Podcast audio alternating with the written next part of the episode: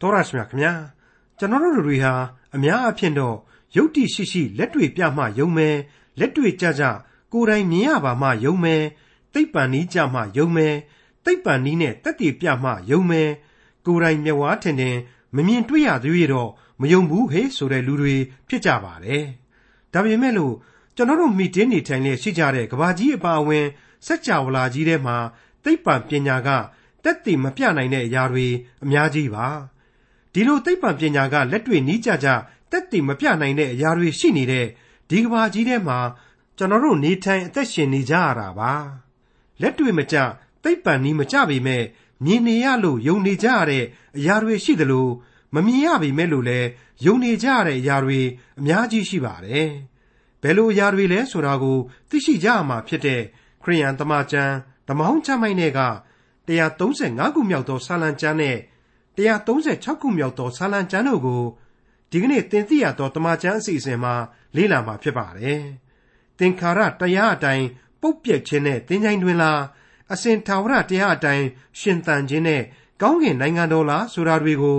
ကျွန်တော်တို့စဉ်းစားဖို့လိုအပ်တဲ့အတိုင်း135ခုမြောက်သောစာလံကျမ်းနဲ့136ခုမြောက်သောစာလံကျမ်းတို့ကိုဒေါက်တာထွန်းမြတ်အေးကအခုလိုလေ့လာရှင်းလင်းထားပါတယ်။ တင်တိရတော်တမန်ကျမ်းရဲ့မိတ်ဆွေတော်တတ်ရှင်အပေါင်းတို့ခမညာဂုံတော်ကိုချီးမွမ်းကျူးအေးကြဆိုတဲ့ခေါင်းစဉ်ပြောင်းလဲတက်ဆင်ပြီးတော့လေ့လာရမယ်ဆာလံအသစ်တစ်ခုဂန္ဓအသစ်တစ်ခုကိုဝင်ရောက်လို့လာခဲ့ပါပြီ။အဲ့ဒါကတော့135ခုမြောက်သောဆာလံပဲဖြစ်ပါတယ်။ကျွန်တော်အများစုသိပြီးတဲ့အတိုင်းပဲ134ခုမြောက်သောဆာလံအထိမှာတော့ဧည့်သည်အာဂန္တုများလို့ခေါ်တဲ့လောကရန်ခရီးသွားတို့အတွက်ဆာလံတွေကိုကျွန်တော်လေ့လာခဲ့ကြတယ်။ အဲ့ဒီကြားထဲမှာမှဘုရားသခင်သိစေတော်မူသောသိစေလိုတော်မူသောဗျာဒိတ်တော်တွေအနာဂတ်တွေအနာဂတ်ကယ်တင်ရှင်ယေရှုတရားအကြောင်းတွေကိုလည်းကျွန်တော်ဆင်ခြင်နှလုံးသွင်းနိုင်ခဲ့ကြပါတယ်။အခုအချိန်မှာကျတော့ဟာလေလုယာဘုရားသခင်ကိုချီးမွမ်းကြဆိုတဲ့ဆာလံတွေကိုအာဘာတရားနားဆင်သွားကြရတော့မှာပါ။ကဲစလိုက်ကြပါစို့135ခုမြောက်သောဆာလံအငယ်1မှ9 ထာဝရဘုရား၏နာမတော်ကိုချီးမွမ်းကြလော့ထာဝရဘုရား၏အိမ်တော်ငါတို့ဘုရားသခင်၏အိမ်တော်တိုင်းတွင် အမှုဆောင်သောထာဝရဘုရား၏ကျွန်တော်တို့ချီးမွမ်းခြင်းကိုပြုကြလော့ထာဝရဘုရားသည်ကောင်းမြတ်တော်မူသောကြောင့်ထာဝရဘုရားကိုချီးမွမ်းကြလော့နာမတော်ကိုထောမနာပြုခြင်းဆိုကြလော့ထိုသို့သောအမှုသည်တင့်တယ်လျောက်ပတ်ပေ၏အကြောင်းမူကားထာဝရဘုရားသည်ယာကုပ်အမျိုးကိုကိုတော်အဖို့၎င်းဣသရေလအမျိုးကိုဗန္တာတော်ဖြစ်စေခြင်းဟာ၎င်းရွေးကောက်တော်မူပြီး ထာဝရဘုရားသည်ကြီးတော်မူကြောင်းငါတို့၏ဘုရားရှင်သည်ဘုရားတကားတို့တည်းမြတ်တော်မူကြောင်းကိုငါသိ၏ထာဝရဘုရားသည်ကောင်းကင်မြေကြီးသမုတ်တရားနည်းနည်းရအရရတို့၌အလိုတော်ရှိသမျှတို့ကိုပြုတော်မူ၏မြေကြီးစွန်းမှမိုးတိမ်တို့ကိုတက်စီတော်မူ၏မိုးနှင့်တကွလျှက်စစ်ကိုဖန်ဆင်းတော်မူ၏ဗန္တာတော်တိုက်ထဲကလေကိုထုတ်တော်မူ၏ဖျားသခင်ကောင်းမြတ်တော်မူ၏။ God is good ဆိုတာကို ကျွန်တော်ယင်တဲကအပြည့်အဝခံစားနိုင်ကြပါရဲ့လား။ဒါအပြင်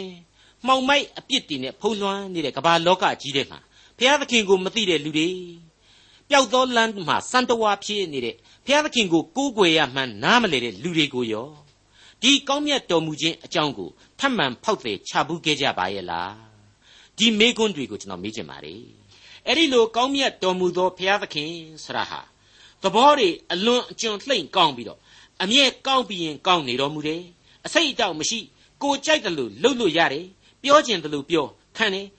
သိုးသွမ်းညင်တိုင်းသိုးသွမ်းပြီးတော့ပုံကန်တော်လှန်မယ်ဆိုရင်လေပြုံးပြုံးကြီးပဲစောင့်ကြည့်နေတယ်ဆိုတာမျိုးကျွန်တော်တို့ကတွက်လို့မရပါဘူးတိဖျားတကာတို့တဲ့မြတ်တယ်နှစ်ကောင်းကင်မြေကြီးသမုတ်တရားနည်းနည်းရအရရတို့၌အလိုတော်ရှိသမျှကိုပြုတော်မူ၏တဲ့ကဲမပြတ်သားဘူးလားပြတ်ပြတ်သားသားပဲဆိုလိုက်ပါတယ် အကုန်လုံးအလိုတော်ကြီးပဲတဲ့အဲ့တော့ကောင်းကင်မြေကြီးသမုတ်တရားနည်းနည်းရအရအကုန်လုံးဟာသူ့လုတ်တဲ့အရာတွေသူ့လက်ခုပ်ထဲမှာရှိနေတဲ့အရာတွေဆိုတာကိုကျွန်တော်တို့သိရပြီဒါတွေကအကုန်လုံးဒုနဲ့ဒယ်နဲ့ရှိနေတဲ့အရာတွေနော်ဒါဆိုရင်အဲ့ဒီရုပ်တရက်ဖြစ်တဲ့ဒုနဲ့ဒေနဲ့အရာတွေကြားတဲ့ကယူပဗေဒဖြစ်စဉ်နဲ့ပတ်သက်လို့ကိုဘယ်လိုရှိတယ်လဲဓာတုဗေဒသဘောတရားအမြင်နဲ့ကိုဘယ်လိုရှိတယ်လဲသုံး မိုးတိမ်တို့ကိုတက်စီတော်မူ၏မိုးနှင့်တကွလျှက်စစ်ကိုဖန်ဆင်းတော်မူ၏ဗန္တာတော်တိုက်ထဲကလေကို ထုတ်တော်မူ၏တဲ့မိတ်ဆွေအပေါင်းတို့အခုအထိဖော်ပြလိုက်တဲ့ဆာလံတီးခြင်းကအချက်အလက်တွေအပေါ်မှာကျွန်တော်ဘာများစောရကတက်နိုင်ပါသလဲတက်ချင်ပါသလဲကျွန်တော်ကတော့ဘုရားသခင်ကိုယုံကြည်ခြင်းမရှိတဲ့လူတစ်ယောက်ယောက်အနေနဲ့ကတော့မျက်စိစုံမှိတ်ပြီးတော့မဟုတ်ဘူးမဟုတ်ဘူးဆိုတာမျိုးပြောချင်ရင်ပြောမယ် ဘာဖြစ်လို့အဲ့ဒီလိုဇွတ်ညင်းတယ်လဲဆိုရင်လေမယုံလို့ဆိုပြီးတော့သာပြောမယ်ဒါဆိုရင်ဘာကြောင့်ခမရမယုံတယ်လဲလို့ဆက်ပြီးမေးမယ်ဆိုရင်တော့ဘာကြောင့်မယုံကြောင်းကိုကိုယ့်ဘာသာကိုယ်လေဂဂနန္နာတော့ရှင်းပြနိုင်လိမ့်မယ်လို့ကျွန်တော်ကျွန်တော်တော့လုံးဝမထင်ဘူးသိပ်ပန်နီးမကြတာတွေဘာတွေအကြောင်းတွေကိုရှောက်ပြီးတော့အကြောင်းပြကောင်းပြမယ်လို့ကျွန်တော်ထင်ပါတယ်တခုပဲသိထားဖို့ကတော့သိပ်ပန်ကဘယ်လို့မှရှင်းမပြနိုင်တဲ့စัจ java လာအနန္တဘောမှာကျွန်တော်တို့ဟာလူဖြစ်နေရလို့ပါပဲ 135ခုမြောက်သောဇာလံအငယ်15မှ21အဆုံးအထိသာသနာပလူတို့ကိုးကွယ်သောရုပ်တုတို့ကငွေလည်းဖြစ်၏ရွှေလည်းဖြစ်၏လူလက်ဖြင့်လှုပ်သောအရာများပေသည်ထိုရုပ်တုတို့သည်နှုတ်ရှိ၍စကားမပြောတတ်မျက်စိရှိ၍မမြင်တတ်နားရှိ၍မကြားတတ်သူတို့ပါဇက်၌လေဖြတ်သက်ဝင်သက်မရှိပါတကားလှုပ်သောသူတို့လည်းအတူတူကိုးစားသောသူအပေါင်းတို့လည်းအတူတူပါတကားအိုးဣသရေလအမျိုး ထာဝရဘုရားကိုကောင်းကြီးပေးလော့အိုးအာယုံအမျိုးအနွယ်ထာဝရဘုရားကိုကောင်းကြီးပေးလော့အိုးလေဝိအမျိုးအနွယ်ထာဝရဘုရားကိုကောင်းကြီးပေးလော့ထာဝရဘုရားကိုကြောက်ရွံ့သောသူအပေါင်းတို့ထာဝရဘုရားကိုကောင်းကြီးပေးကြလော့ယေရုရှလင်မြို့မှကျင်းဝတ်တော်မူသောထာဝရဘုရားသည်ဇီးအောင်တောင်ပေါ်မှမင်္ဂလာရှိတော်မူစေတည်းဟာလေလုယာမိတ်ဆွေတော်တတ်ရှင်အပေါင်းတို့ရှေးကာလရဲ့ဖော်ပြချက်တွေဟာ အခုခေတ်အတွက်လည်းခေတ်မီသေးပဲလို့ကျွန်တော်ကတော့ရှင်းရှင်းလေးပဲနားလည်ခံယူပါတယ်ဒီနေရာမှာကျွန်တော်အလေးနဲ့မေတ္တာရက်ခံခြင်းတာကတော့လူတ attva တို့ဟာလူသားအချင်းချင်းလူအဖွဲ့အစည်းတစ်ခုနဲ့တစ်ခုယုံကြည်ခြင်းတစ်ခုနဲ့တစ်ခုမဆက်မဆံပဲမနေနိုင်ခွဲခွာမရပဲပေါင်းစည်းနေထိုင်ခြင်းအပြင်လေကဘာတစ်ခုမိသားစုဆိုတဲ့စိတ်တက်ကိုမွေးမြူသွားကြရပါတယ်ကျွန်တော်လူသားအချင်းချင်းတို့ရဲ့လူသားနီတိအရာ ယုံကြည်ကိုးကွယ်မှုမတူကြတာဒီကိုလေမတူတဲ့အတိုင်းပဲအရှိကိုအရှိအတိုင်းလက်ခံကြရမယ်နားလည်မှုထားရှိကြရမယ်ဒီတိုင်းပဲဆက်ဆံခြင်းရှိရမယ်ဆိုတဲ့အချက်တွေးကိုလူသားတို့ဟာလူအဖွဲ့အစည်းစိတ်ဓာတ်နဲ့လိုက်နာသင့်တာဟာအမှန်တရားလို့ကျွန်တော်တို့မြင်နိုင်ပါလိမ့်မယ်ဒီလိုပဲလေလူတိုင်းလူတိုင်းတို့ဟာသဟဇာတလူအချင်းချင်းဖြစ်အောင်ကြိုးစားအားထုတ်လျက်ရှိနေရပါတယ် ဒါဟာပြည်သူနီတိပေါ့လူလူအဖွဲ့အစည်းရဲ့သဟဇာတဖြစ်ရေးငြိမ်းချမ်းစွာအတူရှင်တွဲနေထိုင်ရေးမူဝါဒနဲ့တိုက်ညီတယ်။ဒါပေမဲ့ဘုရားသခင်ရှေ့တော်မှောက်ကိုဒူးထောက်လို့တိုးဝင်ရမှာတော့ဒီအတိုင်းမဟုတ်တော့ဘူး။နံဝိညာဉ်ဖြစ်တော်မူတဲ့သခင်နေဆထာဝရတည်ရှိတဲ့ဘုရားရှင်ဟာလူဤလက်နှင့်လှုပ်သောရုပ်ထုတို့ကိုမကိုးကွယ်ရဘူးဆိုတာကိုနှုတ်ကပတ်တော်ဟာအခိုင်အမာပဲဖော်ပြလိုက်ပါလေ။ ကျွန်တော်တို့ကဒီလိုနှုတ်ကပတ်တော်ကတဆင့်ဘုရားသခင်ဆန္ဒတော်များကိုတွေ့မြင်တဲ့အခါမှာတော့မိမိတို့အဖို့ကြိုက်သည်ဖြစ်စေမကြိုက်သည်ဖြစ်စေနဝင်ချိုသည်ဖြစ်စေနာခါသည်ဖြစ်စေကိုယ့်ရဲ့ဘဝလိုအင်းနဲ့တိုင်းထွာပြီးတော့ဆင်ခြင်သုံးသပ်ရလိမ့်မယ်လို့ကျွန်တော်လေးစားစွာတင်ပြအပ်ပါတယ်ဟုတ်ပါတယ်ဘုရားသခင်ဟူသည်လူအချင်းချင်းခံစားချက်မျိုးနှင့်တိုင်းထွာထိတွေ့ရသောအဆင့်မျိုးအရှင်းမဟုတ်နိုင်ပါဘူးဒီတော့ကိုယ့်ရဲ့လိုအင်ဆန္ဒဟာဘာလဲ ကျွန်တော်ယုံကြည်သူများရဲ့ဘက်ကဆိုရင်တော့သင်္ခါရတရားအတိုင်းပုတ်ပြက်ခြင်းနဲ့သင်္ကြန်တွင်လားတော်ဒီမဟုတ်အစင်သာဝရတရားအတိုင်းရှင်သန်ခြင်းနဲ့ကောင်းကင်နိုင်ငံတော်အမွေလားဒါကိုကျွန်တော်တို့တူပြိုင်စဉ်းစားသွားကြရပါလိမ့်မယ်အဲ့ဒီလိုဆင်ခြင်နှလုံးသွင်းဖို့ရန်အတွက်လေအိယာပေါ်မှာကိုယ်စိတ်နှလုံးနဲ့ဆွေးနွေးစဉ်းစား၍တိတ်ဆိတ်စွာအပြေရှာရန်သာဖြစ်တဲ့အကြောင်းလေးခုမြောက်သောဆာလံကိုကိုးကားခြင်းအဖြစ်ကျွန်တော်တိုက်တွန်းအားပေးလိုက်ပါတယ် မိษွေအပေါင်းတို့အခုအချိန်မှာတော့ဂယုနာတော်အတွက်ကျေးဇူးတင်ပါသည်ဆိုတဲ့အချက်ကိုအထူးပြုဖော်ပြမယ်136ခုမြောက်သောဆာလံတီးခြင်းကိုကျွန်တော်ဆက်လက်ဖော်ပြသွားခြင်းပါတယ်136ခုမြောက်သောဆာလံအငယ်1မှ9ထာဝရဘုရားသည်ကောင်းမြတ်တော်မူ၍ဂယုနာတော်အစဉ်အမြဲတည်သောကြောင့်ဂုံကျေးဇူးတော်ကိုချီးမွမ်းကြလော့ဖျားတို့ဤအရှင်ဘုရားသခင်ဤဂယုနာတော်အစဉ်အမြဲတည်သောကြောင့်ဂုံကျေးဇူးတော်ကိုချီးမွမ်းကြလော့ အရှင်တို့ဤသခင်ဖျားရှင်ဤဂယုနာတော်သည်အစဉ်အမြဲတည်သောကြောင့်ဂုံကျေးဇူးတော်ကိုချီးမွမ်းကြလော့ဂယုနာတော်အစဉ်အမြဲတည်သည်ဖြစ်၍အံ့ဘွယ်သောအမှုတို့ကိုတပါးတည်းသာပြုတော်မူထသောဂယုနာတော်အစဉ်အမြဲတည်သည်ဖြစ်၍ပညာတရားအတိုင်းကောင်းကင်ကိုဖန်ဆင်းတော်မူထသောအင်းဝါခေမြန်မာစာပေအရေးအဖွဲ့ဟာဆရာကြီးယူရသံပြန်ဆိုတဲ့ကျမ်းစာပေပေါ်မှာတွေ့ရတဲ့အတိုင်းပဲအကျိုးသက်ရောက်မှုရှိနေပါတယ်မူထသောတဲ့ တနည်းအားဖြင့်ကတော့ဂယုနာတော်တည်သည်ဖြစ်၍အံ့ဘွယ်သောအမှုတို့ကိုတပါးတည်းသာပြုတော်မူသလိုနောက်ထပ်ဆက်လက်ပြီးပြုတော်မူသောအရာတွေရှိသေးသည်ဆိုတာကိုသိစေညွှန်လိုက်တဲ့ဝေါ်ဟာရပဲဖြစ်ပါတယ်ဟုတ်ပါတယ်အေဖက်ဩဝါဒစာအခန်းကြီး2အငယ်3မှ9အတွင်းမှာကျွန်တော်အခုလိုတွေ့နိုင်ပါလိမ့်မယ်ထိုညင်းဆန်သောသူတို့နှင့်တကွငါတို့ရှိသမျှသည်အထက်ကကိုကာယ၏အလိုသို့၎င်းစိတ်၏အလိုသို့၎င်းလိုက်သဖြင့် ကာမဂုဏ်တို့၌ကျင်လည်သည်ဖြစ်၍ကျွင်းသောသူတို့ကဲ့သို့ပင်ပဂရိအတိုင်းအမျက်တော်ကိုခံရသောသူဖြစ်ကြ၏သို့တော်လည်းဂယုနာတော်နှင့်ကြွယ်ဝတော်မူသောဘုရားသခင်သည်ငါတို့ကိုချစ်တော်မူသောမဟာမေတ္တာတော်အားဖြင့်ဒုစရိုက်အပြစ်၌သေလျက်ရှိနေသောငါတို့ကိုခရစ်တော်နှင့်အတူအသက်ရှင်စေတော်မူပြီးကျေးဇူးတော်ကြောင့်သာကယ်တင်ခြင်းသို့ရောက်ရ၏ယေရှုခရစ်အားဖြင့်ငါတို့ကိုထမြောက်စေ၍ကောင်းကင်အရ၌နေရာပေးတော်မူပြီး အကြောင်းမူကားထိုသခင်အားဖြင့်ငါတို့၌ကျေးဇူးပြု၍ကျေးဇူးတော်၏အလွန်ကြွယ်ဝခြင်းကိုနောင်ကပ်ကာလတို့၌ထင်ရှားစေမည်အကြောင်းဖြစ်သည်ဟုတ်ပါတယ်မိတ်ဆွေ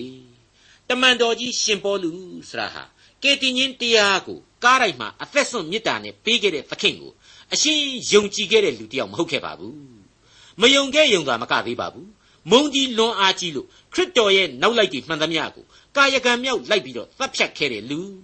အသင်းတော်တို့ကိုတီထောင်ကာစအချိန်မှပဲမြေကြီးပေါ်ကနေပျောက်ကွယ်အောင်တိုက်ခိုက်ခဲ့တဲ့လူကြီးတယောက်ဆိုတာကိုမိษွေတို့ဓမ္မသမိုင်းအရာရှင်းရှင်းကြီးသိနာတယ်ထားပြီးသားပါအဲ့ဒီလူကြီးတယောက်ကနေပြီးတော့အခုကျွန်တော်တို့ကိုပြောလိုက်ပါတယ်ထိုကယ်တင်ခြင်းကျေးဇူးတော်ဟာတက္ကာလတိုင်အောင်ထင်ရှားရလိမ့်မယ်တဲ့မထူးဆန်းဘူးလားဟုတ်ပါတယ်ကြားခဲ့ရတဲ့ဆာလံ136မှာလေဆာလံဆရာကဆိုဖွဲ့ထားပါတယ် ဂယုနာတော်သည်အစဉ်အမြဲတည်သည်တဲ့အခု136ခုမြောက်သောဆာလံရဲ့အငယ်6ကနေ9ကိုဆက်လက်ဖတ်ရှုပြပါရစေဂယုနာတော်အစဉ်အမြဲတည်တော်မူသည်ဖြစ်၍ရေပေါ်မှမြေကြီးကိုဖြန့်တော်မူထသောဂယုနာတော်အစဉ်အမြဲတည်သည်ဖြစ်၍အလင်းအိမ်ကြီးတို့ကိုဖန်ဆင်းတော်မူထသောဂယုနာတော်အစဉ်အမြဲတည်သည်ဖြစ်၍နေကိုအုပ်ဆိုးရသောနေကို၎င်း ဂယုဏတော်အစဉ်အမြဲတည်တည်ဖြစ်၍ညကိုအုပ်ဆိုးရသောလနှင့်ကြဲများကို၎င်းဖန်ဆင်းတော်မူထသောမိတ်ဆွေအပေါင်းတို့ဒီကနေ့အဖို့သိပ္ပံလောကရဲ့စူးစမ်းလေ့လာတွေ့ရှိချက်တွေအရစัจ java လအနန္တကိုအကုန်လုံးရှာဖွေနိုင်ခြင်းမရှိသေးပါဘူး။ဒါပေမဲ့ကမ္ဘာလောကကြီးဟာဒီစัจ java လမှာမတိမ်မဆောင်တည်ရှိနေနိုင်ဖို့ရန်အတွက်နဲ့သတ္တလောကအစရာဆက်လက်ရှင်သန်ဖို့ရန်အတွက်လူသားတို့တွက်နိုင်တာတဲ့ပိုလွန်တဲ့ဆွေးငင်အားတွေ အကွာအဝေးတွေသတ်မှတ်ထားတဲ့လေပတ်ရမှုအရှိန်နှုံးတွေအမျိုးမျိုးလိုအပ်နေတယ်ဆိုတာကိုအကြံပြင်းလူသားတွေတွက်ဆနားလည်လာကြရပါတယ်အခုဆိုရင်နေလကျေနက်ခတ်တို့ကိုဘုရားသခင်ဖန်ဆင်းတယ်လို့အခိုင်အမာဆိုလိုက်ပါတယ်ဘာဖြစ်လို့ဖန်ဆင်းတယ်လဲကျွန်တော်ရှင်သန်ယက်တည်နိုင်ဖို့ပဲအဲ့ဒါရဲ့အခြေခံရေတော့မြစ်ကတော့ဘယ်မှမှလှန်လှော့နေစရာမလိုပါဘူးဂယုနာတော်သည် အစဉ်အမြဲတည်သည်လို့ဖော်ပြခဲ့ပြီးပြီမဟုတ်ဘူးလား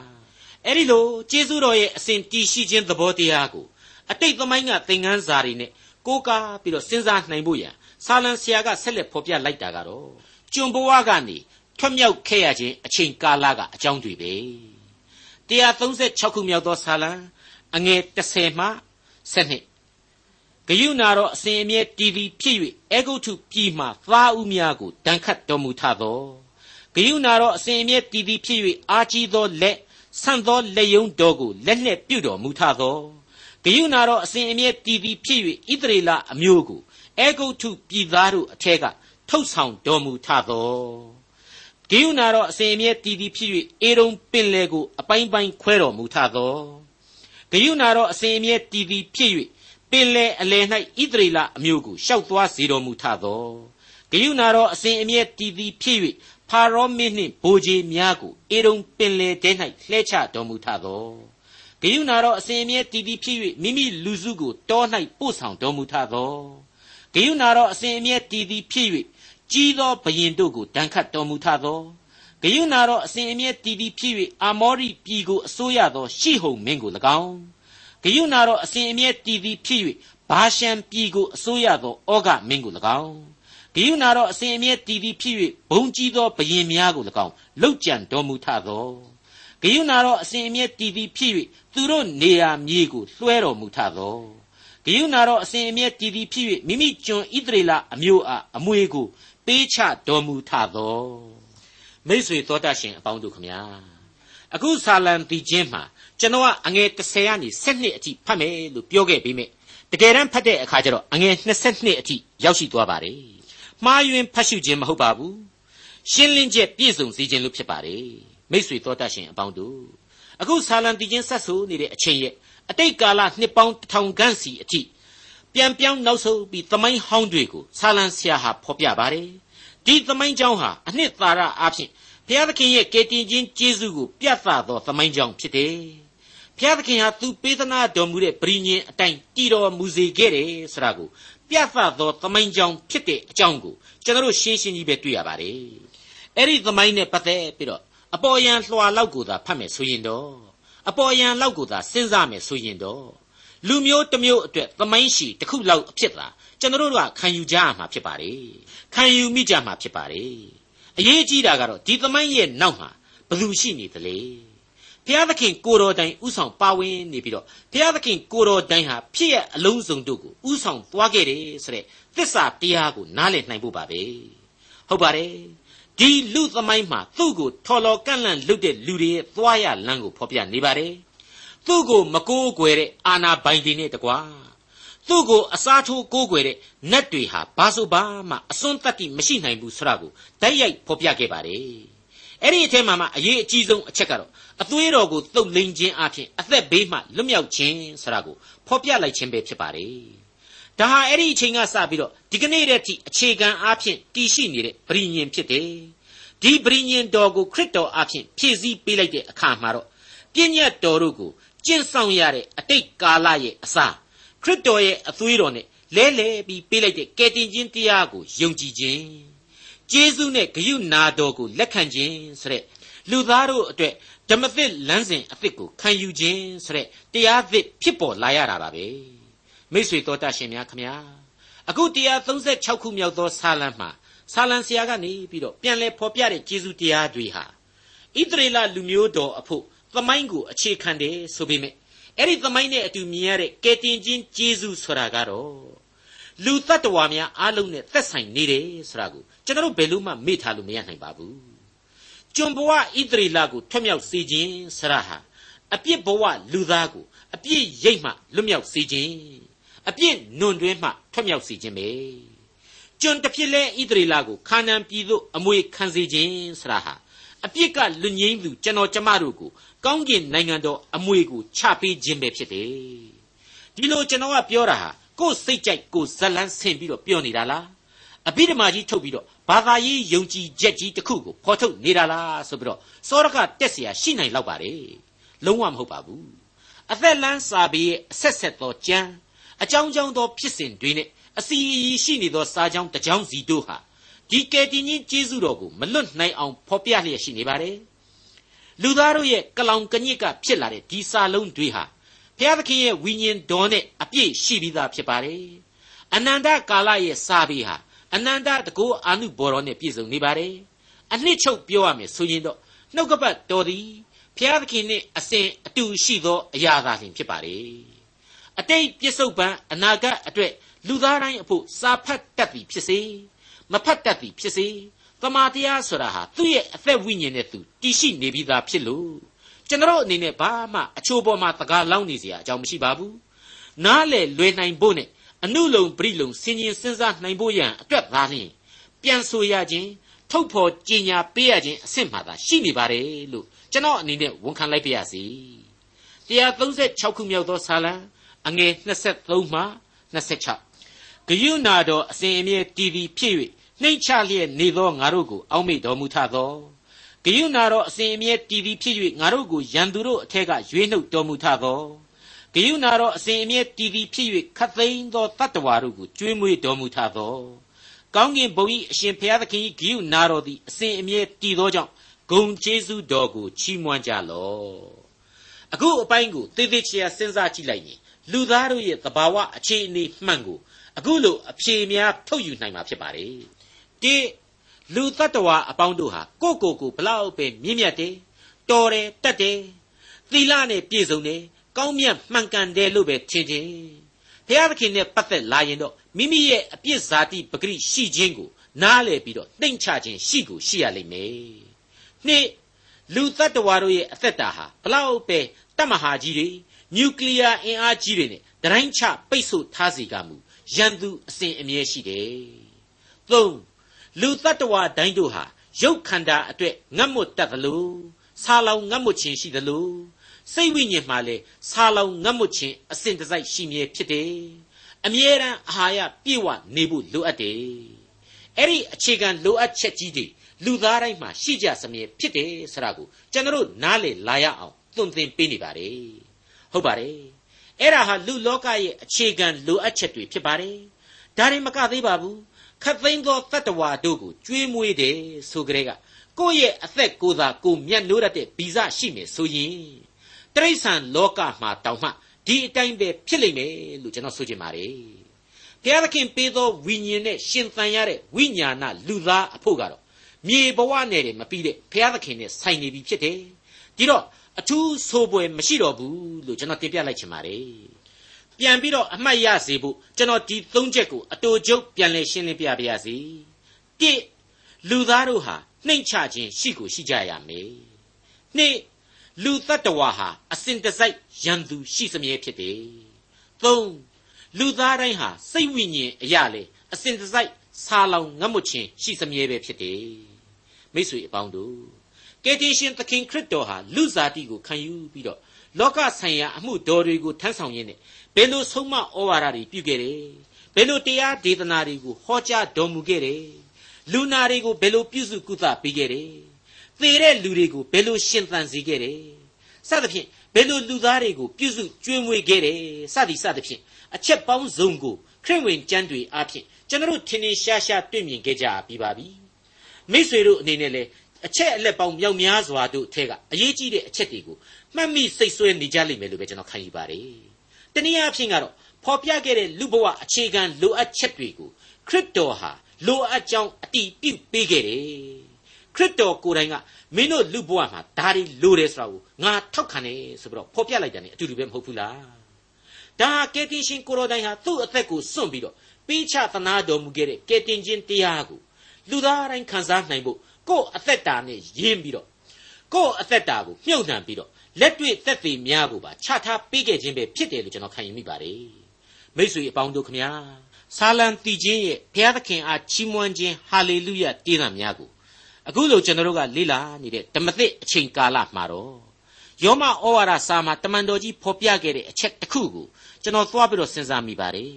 အဲ့ဒါကတော့တမန်တော်ကြီးကိုယ်တိုင်ယောမဩဝါဒစာရဲ့ဏိဂုံးမှာဘုရားသခင်ကိုချီးမွမ်းကျူးအေးခဲ့တဲ့အသံပဲဖြစ်ပါတယ် ရှေးကာလပတ်လုံးပွက်ထားပြီးလင်ယခုမှထင်ရှားသည်ဖြစ်၍လူများအပေါင်းတို့သည်ယုံကြည်နားထောင်ကြမည်အကြောင်းပရောဖက်တို့၏ကျမ်းစာများလာသည်နှင့်အညီထာဝရဘုရားသခင်၏ပြည့်ညတ်တော်အတိုင်းထိုသူတို့အားဖော်ပြရသောနည်းနည်းရာကိုဖွင့်ထားခြင်းကျေးဇူးတော်နှင့်လျော်စွာငါဟောသောဧဝံဂေလိတရားဒီဟုသောယေရှုခရစ်၏အကြောင်းကိုဟောပြောခြင်းအပြင်သင်တို့ကိုမြဲမြံခိုင်ခံ့စေခြင်းဟာတတ်နိုင်တော်မူသောအရှင် တဆူတည်းသာလျှင်ပညာနှင့်ပြည့်စုံတော်မူသောဘုရားသခင်သည်ယေရှုခရစ်အားဖြင့်ကဘာအဆက်ဆက်ဘုံကြီးတော်မူစေတည်းအာမင်တဲ့အဲ့ဒီလိုတမန်တော်ကြီးဟာဘုရားသခင်ရဲ့ဂုဏ်ကျေးဇူးတော်ကိုခရစ်တော်ရဲ့နာမတော်အဖြစ်ချီးမွမ်းထောမနာပြုခဲ့တာဟာတကယ်တော့ရှေးကာလလူမျိုးတော်ကနေတဆင့်ပြသခဲ့တဲ့အသွေးတော်အဖြစ်ကယ်တင်ခြင်းကျွန်ဘဝနဲ့တူတဲ့အပြစ်လောင်းရိပ်အောက်ကလွတ်မြောက်စေခြင်းစတဲ့ ကျေးဇူးတော်အပေါင်းတို့ဟာခရစ်တော်အားဖြင့်တည်ရှိနေပြီဆိုတာကိုယင်နှင့်အမျှခံစားခဲ့ရလို့ပဲဖြစ်ပါတယ်မိษွေတော်တတ်ရှင်အပေါင်းတို့ခမညာဒီကယ်တင်ခြင်းကျေးဇူးတော်တရားအကြောင်းကိုကျွန်တော်သိနာလေဖို့အရေးအတွက်ခရစ်ဝင်ကျမ်းများ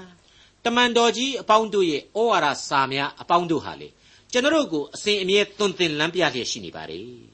အဲ့ဒီလောက်ထိနည်းနည်းမြဲမြံလာတဲ့ဂိယုဏတရားနဲ့အညီ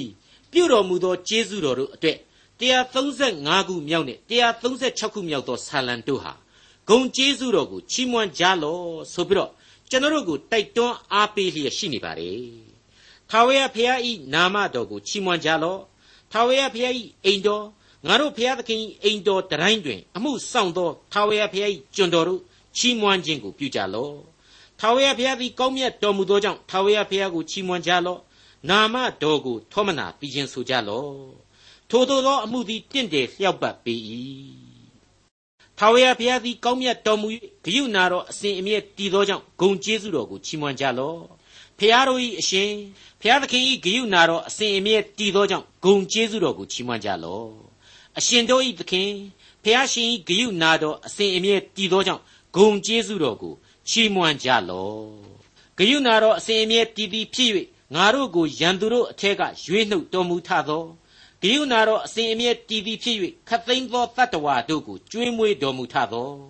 ကောင်းကင်ဘုံ၏အရှင်ဘုရားသခင်၏ဂိယုနာတော်သည်အစဉ်အမြဲတည်သောကြောင့်ဂုံကျေးဇူးတော်ကိုချီးမွမ်းကြလော့မိษွေတော်တတ်ရှင်အပေါင်းတို့ခမညာဆာလံဆရာတို့ဟာဘုရားသခင်ရဲ့ဂုံတော်ကိုချီးမွမ်းထောမနာပြုတဲ့နေရာမှာ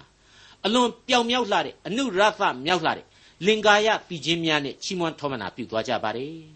ဒီကနေ့ကျွန်တော်ယုံကြည်သူလူသားအပေါင်းတို့အဖို့ကတော့